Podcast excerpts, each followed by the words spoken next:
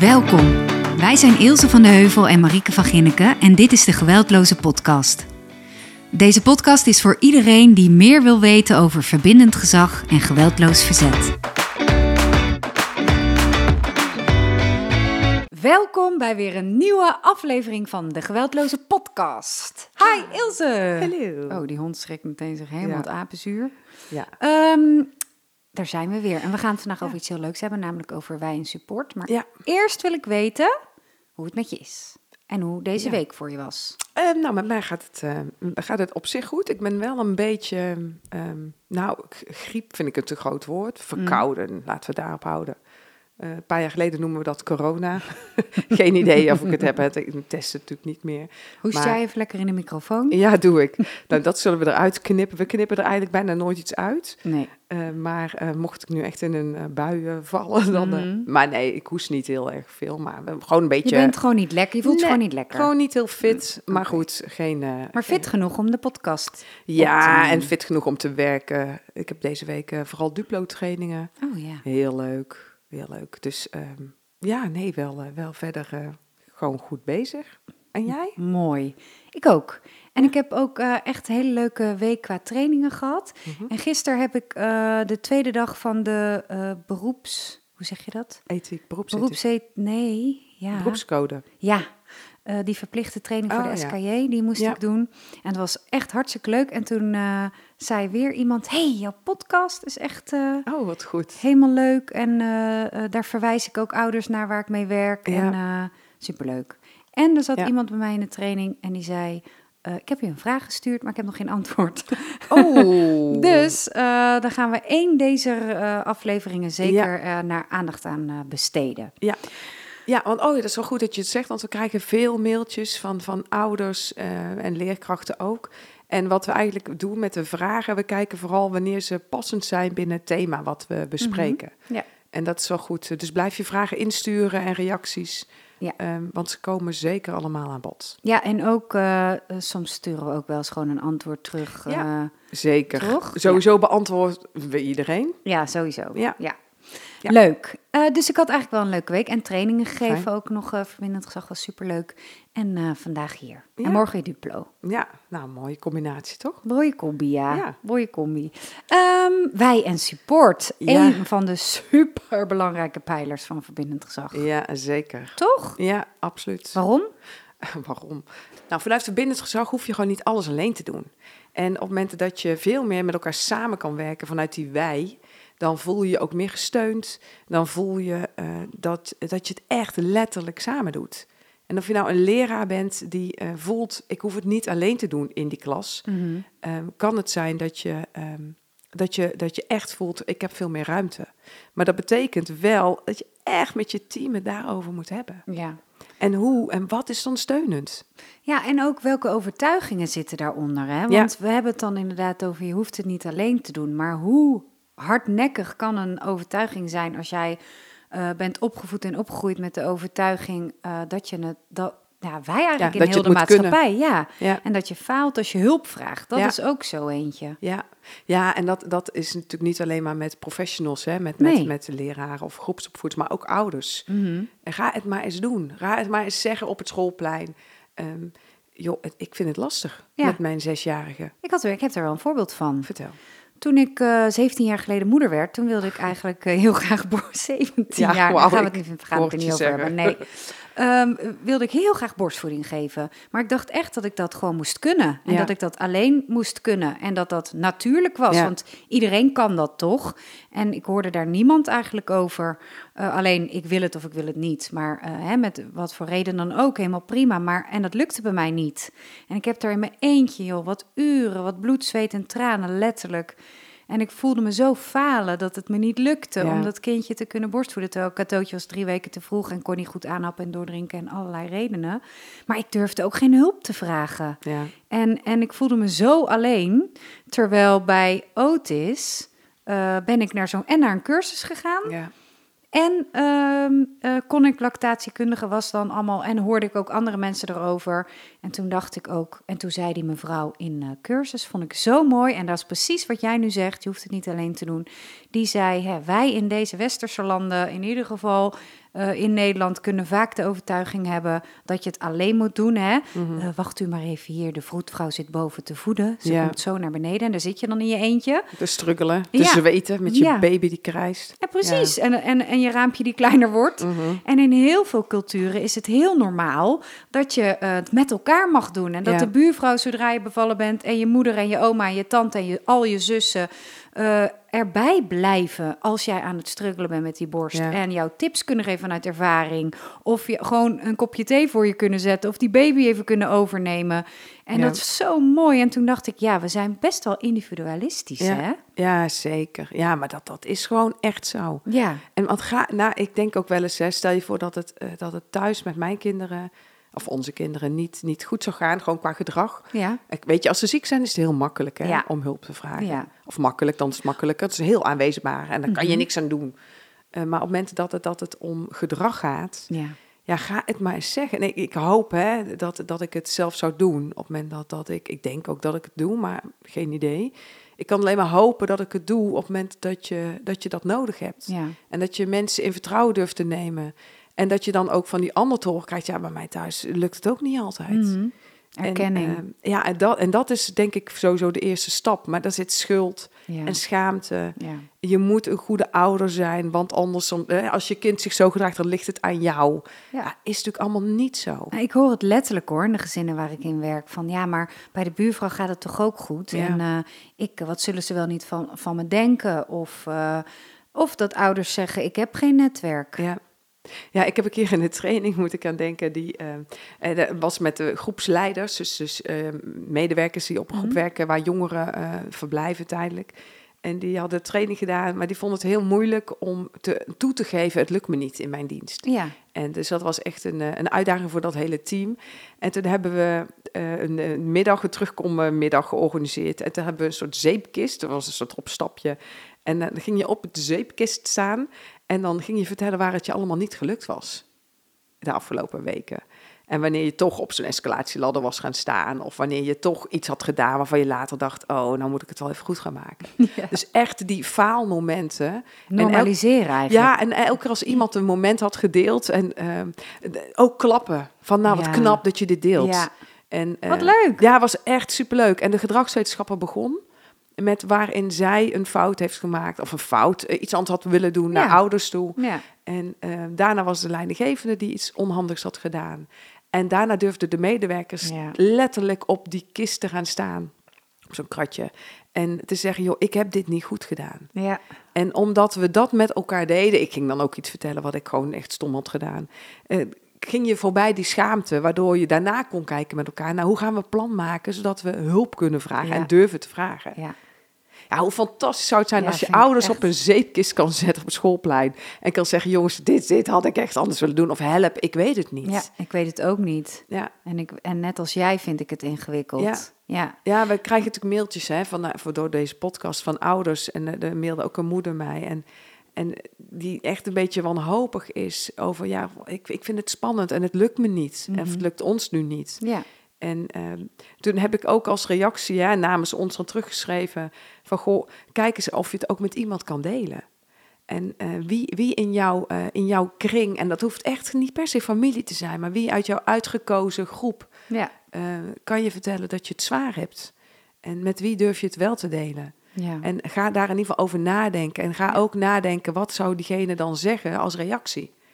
Want vaak is het, hè, dan zit er eerst schaamte. Maar op het moment dat je gaat bedenken, nou, ik ga het vertellen tegen een vriendin. ja. Dan kan je ook wel bedenken hoe die gaat reageren. ja. En als je dan bedenkt, oh, die vriendin die gaat alleen maar zeggen... oh, waarom vertel je het nu pas? Of wat kan ik voor je doen? ja. De meeste vriendinnen of de meeste mensen die reageren op die lieve manier. Ja. Ja, en heel vaak vraag ik ook, hoe zou jij reageren? Ja, Ja, en, en want ik hoor ook heel vaak van ouders van ja, maar die hebben zelf genoeg aan hun hoofd. Ja. Of die hebben zelf een ingewikkeld kindje. Of die eh, is ziek. Of die heeft een moeder waar die voor moet zorgen. Of, eh, dus ze kunnen, en dan zeg ik, oh wat mooi dat jij zo Mhm. empathisch kan inleven in de ander. Maar hoe zou het andersom zijn? ja, Als zij het aan jou zouden vragen, je hebt het ook heel druk met jouw eh, gezin en uitdagingen. Wat Ja. zou jij dan zeggen? En dan zeggen ouders bijna altijd, ja natuurlijk ben ik er dan. Binnen mijn mogelijkheden ben ik er. ja. Oké, en waarom zouden ander dat dan niet voor jou willen of kunnen betekenen? Ja, of stel je voor, je hebt zelf een zus en die zus heeft zelf ook kinderen. En die heeft uh, allemaal problemen met dus jouw neefjes en nichtjes. Ja, ja. En uh, jouw zus struggelt daarmee en ze vertelt het niet tegen jou. Wat Hmm. voor gevoel zou jij dan krijgen als zus of als broer? Hè? Dat maakt Ja. het niet uit. En dan denk je ook, oh ja, maar ik wil, ik wil wel, ondanks mijn hectische leven of gezin of nou wat dan ook, wil je, het, wil je het weten en je wil op jouw manier iets terug kunnen doen. Juist. En ehm, En het hoeft niet groot te zijn, hè, Ilse? Je kan Nee. gewoon... alleen al luisteren. Ja, De meeste mensen willen als steun vooral geen ongevraagd advies. Ja. Die willen gewoon luisteren, die willen begrip. wil een kopje koffie en een wandeling. En mag ik heel even spuien? Dat helpt al, hè? Ja. Ja, en ik heb ook naar een andere ouder teruggeschreven die mailde eh, op ons eh, mailadres. En eh, Wat is ons mailadres? de geweldloze podcast, geweldloos-verzet.nl. Ja, dat was een strikvraag, hè? Kijken of ik er nog bij was. Ja, ja. Maar ik ben erbij, hoor. Eh, die had ook gemaild, eh, ook met, met, met een jong kind, nee, jong, eh, nou ja, jong acht vind ik nog jong. En ehm, waarin veel ehm, eetproblemen zijn tijdens Mm. en veel strijd met eten.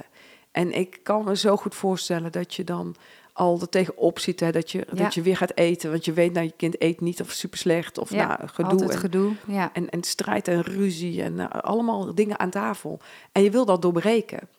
En, en toen hebben we samen hè, we teruggeschreven, ehm, kun je dan, ehm, hè, wie kan je uitnodigen voor het eten? ja. En, en is er iemand die in jouw omgeving is, die, die, die het gewoon gezellig ook vindt en die hoeft nog helemaal niks te doen. Maar alleen al eh, iemand extra naar binnen halen, waardoor je eh, dan met elkaar samen kan eten. Waardoor je even in ieder geval die ene avond een leukere Energie hebt. hebt, waardoor je je raampje weer kan vergroten. Ja. Ja. Ja.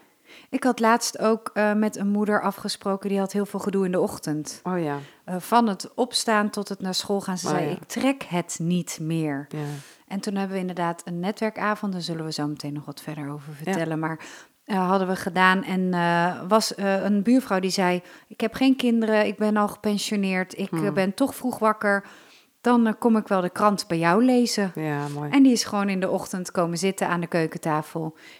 Moet ik iets doen? Nee, alleen maar er zijn. Nou, Want, Ilse? Dat is de waakzame zorg vergroten. Ja. Oh, dat wou je niet zeggen. Ja, nee, ook heel goed. Maar ehm, Dank je, dank je. ik dacht eigenlijk, jij kan nu wel oplepelen met hoeveel procent agressie afneemt op het moment dat er meerdere mensen zijn. Oh, dat- sorry. Nee, sorry mensen, dat kan In ieder niet. geval wel veel, volgens Ja. mij boven de 60 procent. Ja, als je, maar dat heeft wel echt te maken met welke houding zitten die anderen Ja, niet als eh, controlerende, Nee, berispende, Niet als cipier. boze cipier. Nee. Nee, nee. En dan gaat het wel, hè, en dat eh, nogmaals, hè, we willen alles vertellen over bindendzak en geweldloze zet, Mm. maar het gaat altijd over de juiste houding. Ja.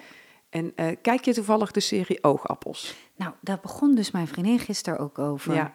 Nou, absoluut kijken. Voor iedereen Ja? die deze podcast luistert, eh, ik heb geen aandelen Doen bij ze de daar NPO. goed of heb je leuke voorbeelden? Nou, fantastisch. Want je kan, je voelt als je die serie kijkt, en volgens mij is het nu het vijfde seizoen. Ik heb ze denk ik allemaal gezien. Echt? Ja, echt. Ja, ik vind het heel goed, omdat je verschillende opvoedstijlen ziet. Ja. En, eh, nou, en ik vind het best realistisch en ik vind dat ze het sowieso heel goed doen.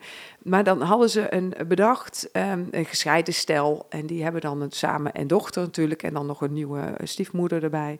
En die hebben bedacht om met z'n drieën ehm, een gesprek te voeren met, met een meisje van, volgens mij is het kind nu 18 in die serie. En, ehm, en dan gaat het over die houding. En dan Ja. hebben ze met z'n drieën en dan één moeder die is heel dominant en heel, heel krachtig. En heel, eh, nou ja, is vaak ook wel een beetje veroordelend in die serie. En, maar goed, die heeft dan zelf Mhm. weinig liefde gekregen. En dat zie je helemaal zo terugkomen. Wat cool. En ehm, die vader die, die, die is eigenlijk heel zacht. En dan heb je die stiefmoeder en die is heel begripvol. En, en die stelt ook wel grenzen. En die doet het eigenlijk wel, ja, zoals je het een beetje hoopt ook. ja. Maar dan zitten ze daar met z'n drieën en hebben ze een avond. En op zich een heel goed idee ja, om de krachten te bundelen, samen te zitten. Maar de uitvoering, eh, ja, die is, die is gewoon niet helpend. Waardoor het kind weggaat, boos is. Maar heel realistisch, als je met elkaar voelt, oh, de spanning loopt op. Ja. En, eh, en je wilt toch een sneer geven en toch zeggen, je gaat nu zitten. Ja. Ja. tegen een meisje van 18 Ja. ja. of een kind van 8. Ja. Op die toon ja, zou ik ook niet gaan zitten. Nee. Dus het is wel hè, wederom de toon die de muziek maakt en de houding die je hebt als, als opvoeders of als professionals. Ehm, wat maakt of je diegene naar binnen hengelt of verder van je afduwt. Dus dat, dat vond ik wel weer. En dat ja, het deed heel goed, hè? Netwerk bij elkaar. Met, Ja. met de belangrijke Belangrijk. mensen. Maar dan de uitvoering was jammer. Wat goed. Oh, Ja, ik ga echt een- toch eens kijken. Ja, echt. Ja, ik vind hem echt goed. En het is vooral grappig omdat je ook wel dan dingen bij jezelf herkent. En je denkt, oh ja, ik kan ook wel een beetje van haar hebben. Of ik kan ook wel een beetje van haar hebben. En ehm, ja, we gebruiken in de training ook wel eens van die eh, geluidsfragmenten uit de serie. Ja, Eh, gewoon om te laten horen, ja, wat zou jij nu kunnen doen? ja, En ehm, ja, dus eh, oogappels, beste mensen, NPO, gewoon terugkijken. ja, Ik zou het leuk. doen. Leuk. Ja. Heb jij ehm, een voorbeeld Mhm. van hoe je netwerk zou kunnen inzetten als jij op een groep werkt? Ja, zeker. Ja, dat kan heel klein en dat kan enorm groot. En je kan het netwerk gebruiken om echt die verzetsacties, hè, die Mhm. geweldloze acties te doen. Maar je kan het netwerk ook vragen om bijvoorbeeld de waakzame zorg te vergroten. En dan kan dat, hè, waakzame zorg, dus de vorige aflevering, drie niveaus. En je kan ook al wat meer aanwezigheid vragen van het netwerk. Ja. En dat kan alleen al, en dat kan ook op een school, hè, dus dit is een breder voorbeeld, dat je met elkaar eh, klusdagen organiseert. Hè, veel groepen zitten toch op het terrein of op een, Ja. op een plek waar, waar vaker wel iets te klussen valt. Ja.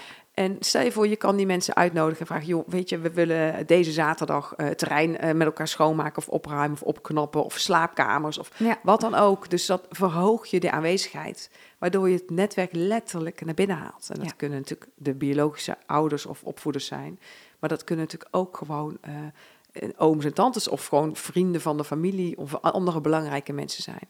Waardoor je ze meer gaat betrekken bij je hulp die je biedt aan die jongeren. Waardoor je ze ook kan vragen als het spannender wordt.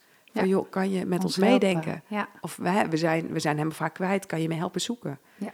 Dan zijn zij ook veel meer bereid, omdat ze voelen, oh, in ons is ook in geïnvesteerd, letterlijk. Ja, en eh, het helpt ook, eh, al, toen ik op de groep werkte, om aan de jongeren te vragen wie is voor jou belangrijk. Ja, altijd. En wie is jouw tuurlijk. steun en Ja. wie, zou jou in een, wie zou jou altijd helpen buiten je ouders? Of Ja. met wie heb je een goed gevoel?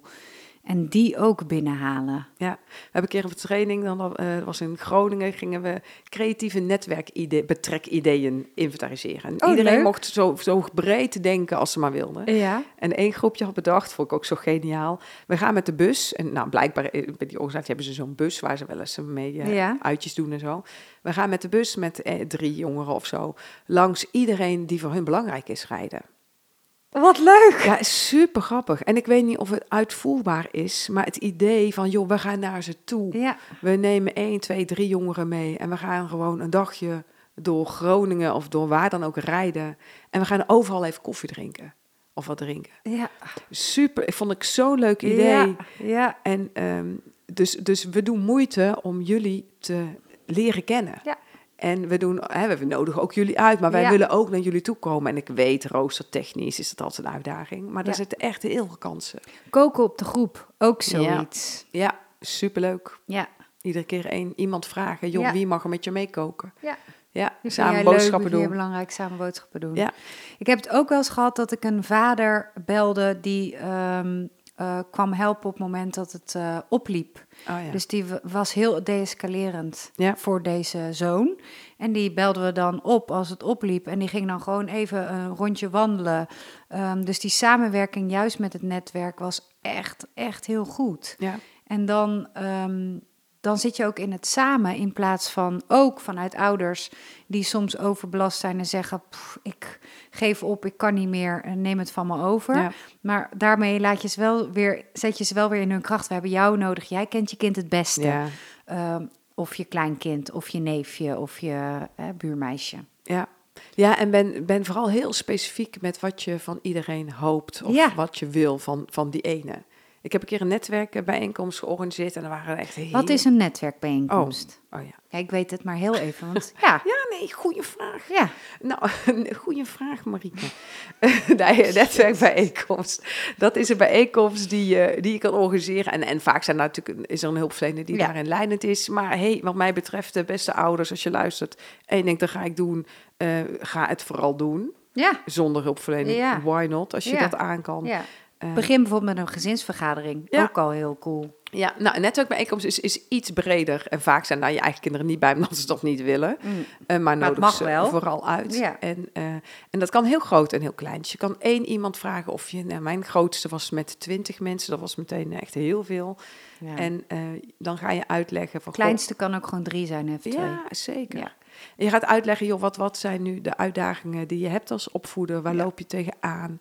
En je kan ook zeggen, je ook schamen om Ja. dit te doen. En Ja. ik vind het heel moeilijk om hulp te vragen. Ja. Ehm, maar we willen, we willen het anders, we willen het doorbreken. Wij willen niet meer elke keer boos worden. We willen niet dit of nou, dan ga je aangeven wat je hoopt anders te willen. En nou, met een beetje hoop eh, Of waar je je zorgen over maakt bij je Ja. kind. kan allemaal. Als je het idee hebt dat je kind eh, wegloopt en met, ehm, eh, hoe zeg je dat? Eh, Spannende gevaarlijke, Ja, gevaarlijke contacten heeft, of crimineel, of met drugs, of whatever. En je kan en wil en durft het niet meer alleen. Dan eh, kan dat ook een hele mooie zijn, Ja. toch? En wat daarin heel belangrijk is, is het niet dat we ons gaan verenigen samen tegen het kind, Nee, nee. maar wel samen voor. Ja. En ehm, dat vind ik wel altijd heel belangrijk. En dat we niet.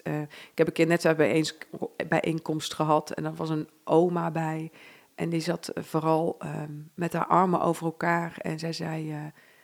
de- ze was, zij zat echt, ze was boos. En ik denk ook dat ze verdrietig en onmachtig Ja. was. Hè. Dus, maar ze uitte zich boos. Mhm. En eh, toen zei ze wel van, goh, nou, we laten hem dan maar even een week bij mij logeren. Zo van, dan los ik het wel op.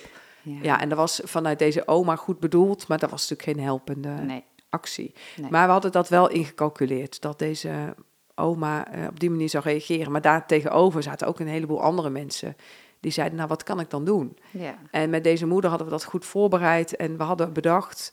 ehm, van de ene vriendin, die woonde wat verder weg, wilde ze vooral... mag ik je bellen als het, als het mij te veel is, zodat ik bij jou kan spuien...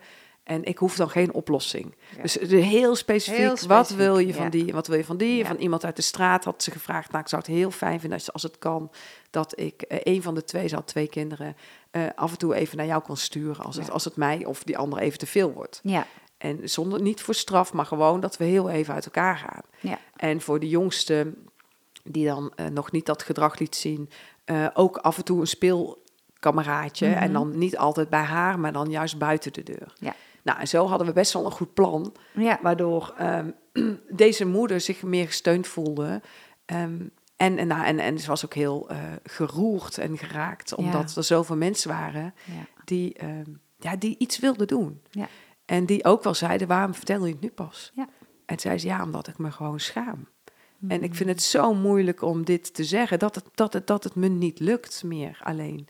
En ik heb dat nodig, ik heb jullie nodig. En nou ja, iedereen zat te huilen en ik zat Ja. te knipperen met en Ja. diep te ademen. Ja. Maar goed, het was Echt mooi, Ja, hè? het was heel mooi en het was heel helpend. Ja, ik heb dat laatst ook gedaan en daarbij ook een, meteen een ehm, beetje psycho-educatie gegeven over dit jongetje met een... Wat eh, is psycho-educatie, Marieke? Psycho-educatie is uitleg over de psyche.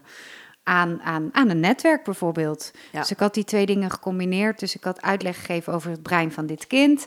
En eh, dit werkt, en samen met ouders, van eh, dit werkt heel goed bij ons kind. En dit vindt hij ingewikkeld. En hier lopen we tegenaan. En daarom gaan wij eerder van verjaardagen weg. Want dan is dat brein vol. En voordat hij dan boos wordt en ontploft thuis, gaat een van ons twee eerder weg bij een verjaardag. En weet dat we dat niet doen omdat we niet bij jullie willen zijn. Oh, omdat ja, mooi. dus daar kon ik dan vanuit, eh, vanuit mijn rol als gezinsbehandelaar uitleg geven over het brein van het kind.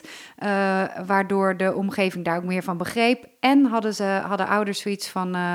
Eh, ehm, eh, en, en, en wij vinden het best ingewikkeld. En waarbij ik dan ook soms kan uitleggen, want jij zei dat, hè, je kan soms aan de buitenkant niet zien wat er aan de hand is. Het is veel makkelijker als jij bijvoorbeeld een kind hebt met één been. Want dan ziet iedereen dat je hulp nodig hebt. Ja. En dat dat kind hulp nodig heeft. En dat er een taxi geregeld moet worden naar school. En allemaal praktisch heel logisch. En Mhm. mensen zijn altijd dan geneigd te helpen. Maar op het moment dat er aan het, aan het brein van iemand eh, dingen anders werken. Of dat er in het gezin eh, bepaalde eh, interactiepatronen zijn. Waardoor het ingewikkeld wordt. Mhm. Dan is het veel moeilijker omdat er aan de buitenkant niks te zien is. Ja.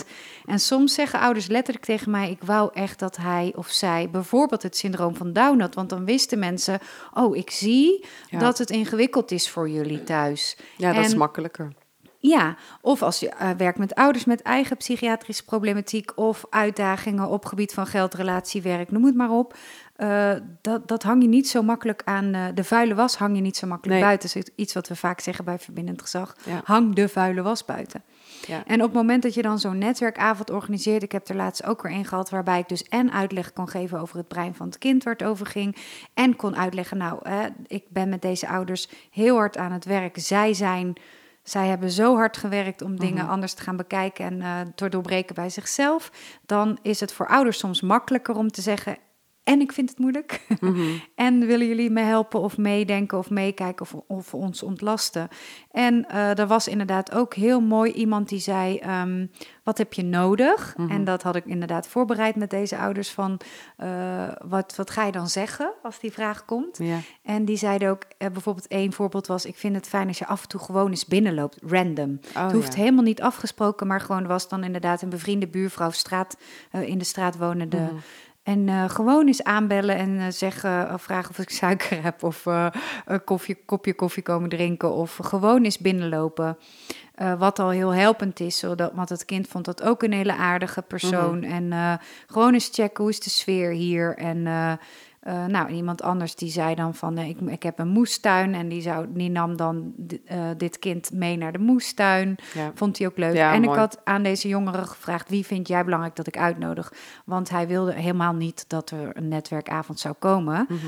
En hij wilde dat eigenlijk, eh, eh, ja, ook eigenlijk blokkeren. Maar wij hebben wel hè, medegedeeld, dat gaan we wel doen. Maar ik vind het wel heel belangrijk dat er ook mensen zijn die jij wil. Ja. Dus zijn vriendin was aanwezig. En hè, zo kan je mensen ook uitnodigen die voor de jongeren belangrijk Ja. vindt. Als het op een bepaalde leeftijd is. Zeker. Ja. Ja, maar dat is hartverwarmend, hè? Ik, was ook, ik had helemaal kippenvel. Voor de kleinste dingen. Eén iemand die zei: Ik kom gewoon één keer in de week ko- eh, koken. Ja. Ja, ik moet dan tijd zelf als mens bijna de hele tijd huilen. Ja. Dat schiet echt niet op. ik schiet dan de hele ja. tijd vol. Denk, Ja. oh wauw, nou hier heeft niemand iets aan. Nee, Ja, nee, klopt. En als je als hulpverlener nu luistert naar deze podcast, eh, sta echt stil bij de schaamte. En, en, en besteed daar 1, 2, 3, 4, 5 gesprekken aan. Want schaamte eh, houdt tegen dat je daadwerkelijk iets gaat delen met die ander. ja. En ehm, dat, eh, ga zelf maar, hè, gewoon nu jij als mens die nu luistert, schrijf maar je geheim op op een briefje en ga dat maar Mm. Iets waar je voor schaamt. Ga het maar gewoon tegen iemand vertellen. Ja, Nou, ik weet zeker dat de meeste mensen denken, nou, ik zal het wel opschrijven, maar ga ik het ga niet zeggen. delen. Nee. Ga niet zeggen. En dan verwachten wij van, van Ja. mensen die, die echt, echt ingewikkelde uitdagingen hebben Ja. thuis, dat ze het zomaar even doen. Ja. Dus aandacht besteden en stilstaan bij, joh, wat, wat, wat, waar schaam je voor? Wat, wat is dat dan? ja, dat is ook heel moeilijk. En dat je beseft dat je zaadjes plant. En dat, ehm, dat je vooral eh, benoemt van, goh, stel je voor dat opa hier wel zou zijn. ja, Ehm, en hij zou tegen zijn kleinzoon kunnen zeggen: Jongen, ik maak me zorgen. ja, Want je ligt tot drie uur in je bed en Ja. je bloot gewoon heel veel. En, en kan ik iets voor je doen, jongen? Ja. En stel je voor dat dat opa. Hè, dus dat zijn vaak de zaadjes die. die, die Wel weer met de houding en niet Ja. belerend. Dat mag jij Ja. niet, maar meer van: Ik ben er voor jou. ja, maar ik heb heel vaak tegen ouders heb ik gewoon dat soort dingen gezegd. Gewoon stel je voor dat. Ja, En, en, en die opa komt, jouw vader komt nu binnen. En hij heeft goed contact met zijn kleinzoon. En hij zou dat zeggen. Wat zou dat dan doen met jouw kleinzoon? En dan zie je die ouders kijken, ja, net zou wel, hij zou onder de indruk zijn, maar we gaan het niet doen. Dan zeg ik, joh, nee, je hoeft, Hoeft het nu het ook niet, niet te doen, nee. maar, maar ga het vooral bedenken. Opties. Ja, het zijn opties. En het, dat zijn de zaadjes. En Ja. ook als ouders zeggen, ik heb geen netwerk, dan zeg ik altijd, ja, ehm, nou, dat dat kan je zeggen. Ik zeg, maar geloof het niet. En dan moeten ze altijd wel lachen. Zeg ik, ja, maar ik geloof, ik wil, ik wil het ook niet geloven. En ik kan het ook niet geloven. Als mens kan ik het niet geloven, want je, kan, je kent altijd één iemand. Ja. Minstens één iemand. ja. En, ehm, Ik ga ook wel eens de week met ze af. oh ja, Wie kom je op maandag tegen? Wie kom Ja. je op dinsdag tegen? Wie kom je op woensdag die tegen? staat er bovenaan in je WhatsApp-lijstje. Nou, Ja, En wie vind je ja. oké-ish als er niemand is die je leuk of fijn of vertrouwt? Er zijn ook mensen die heel veel moeite hebben met vertrouwen. Ehm, of inderdaad al de deur dichtgooien omdat ze het niet willen gaan delen. Dat kan ook. Ja, of met niemand, echt ook met niemand contact meer hebben. Er zijn natuurlijk ook schijnende gevallen in de, in de hulpverlening.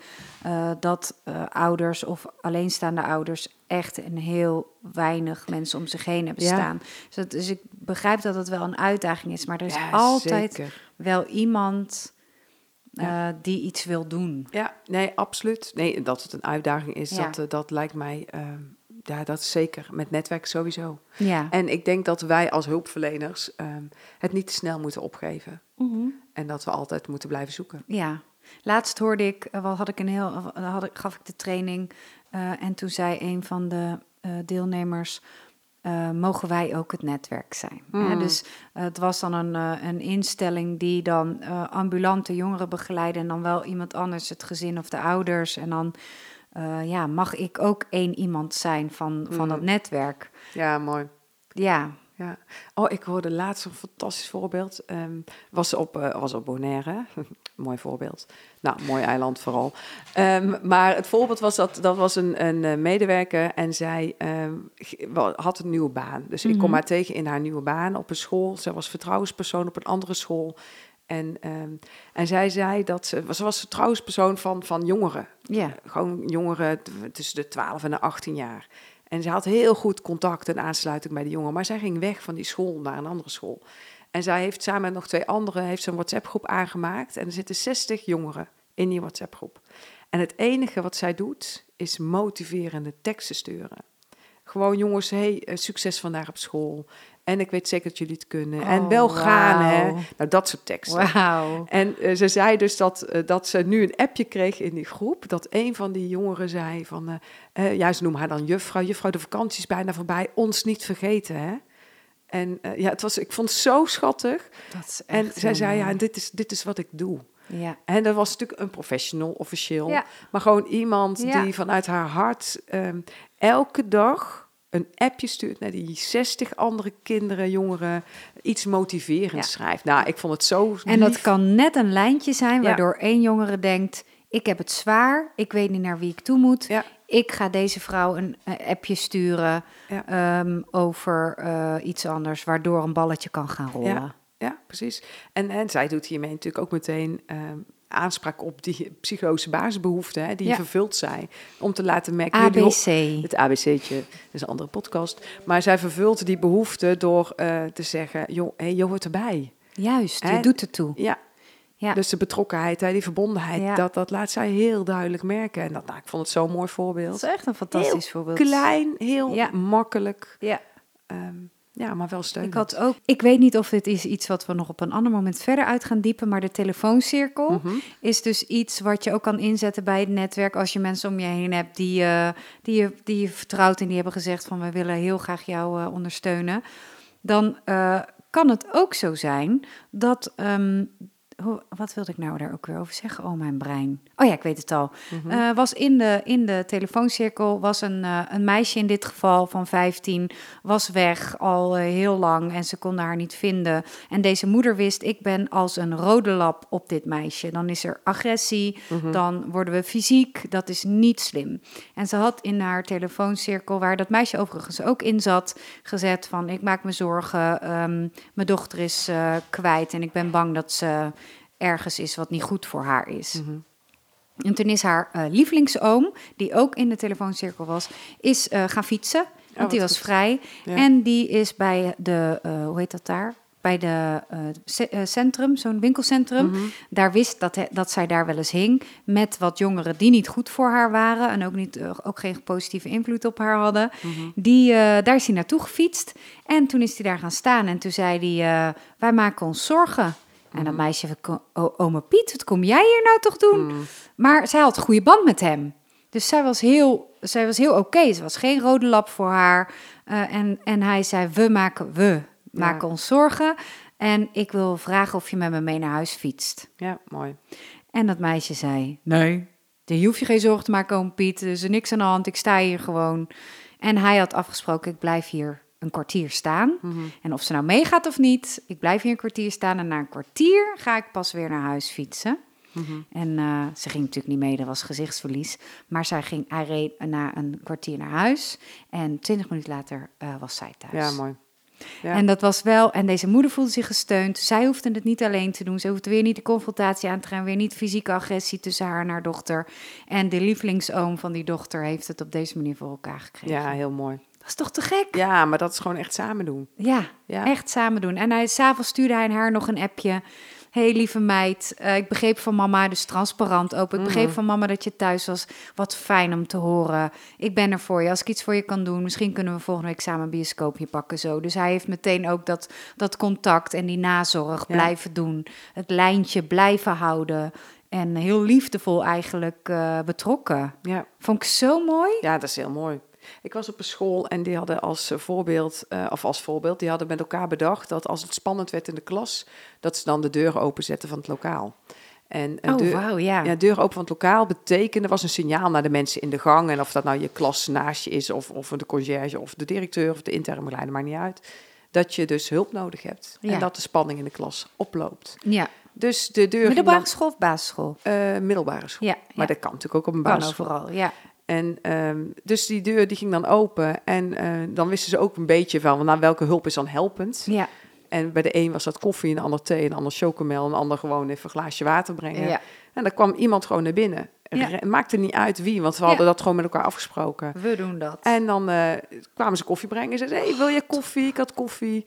En dan, eh, de ene keer maak je echt iets bespreekbaar in de klas, de andere keer laat je het daarbij. Ja.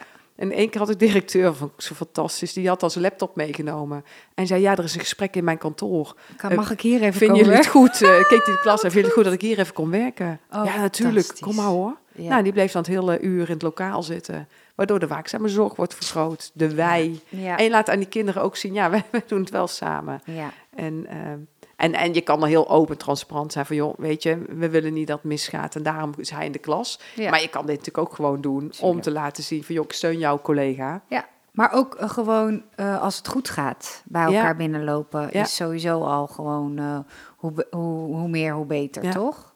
Ja, en praten Het vanuit de normaal. wij. En ook al sta je daar in je eentje. Wij vinden dit niet goed binnen onze school. Wij vinden dit niet goed thuis. Ja. Of wij willen niet dat je dit doet. Ja.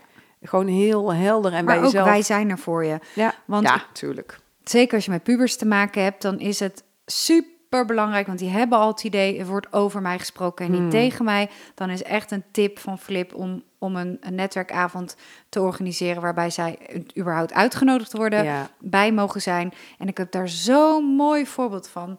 Dat was eh, eh, in dit geval een meisje die wilde er absoluut niet bij zijn. Die vond het dan veel te bedreigend, denk ik, vul ik in. Vond het allemaal eh, helemaal niks. En, maar zij kwam op een gegeven moment wel thuis. En toen zat heel haar woonkamer vol met mensen Wauw. Voor haar. Ja. jeetje. En die kon later wel zeggen, jeetje, want ze ging meteen naar boven. Mhm. Hoi, hoi. En ze ging meteen naar boven.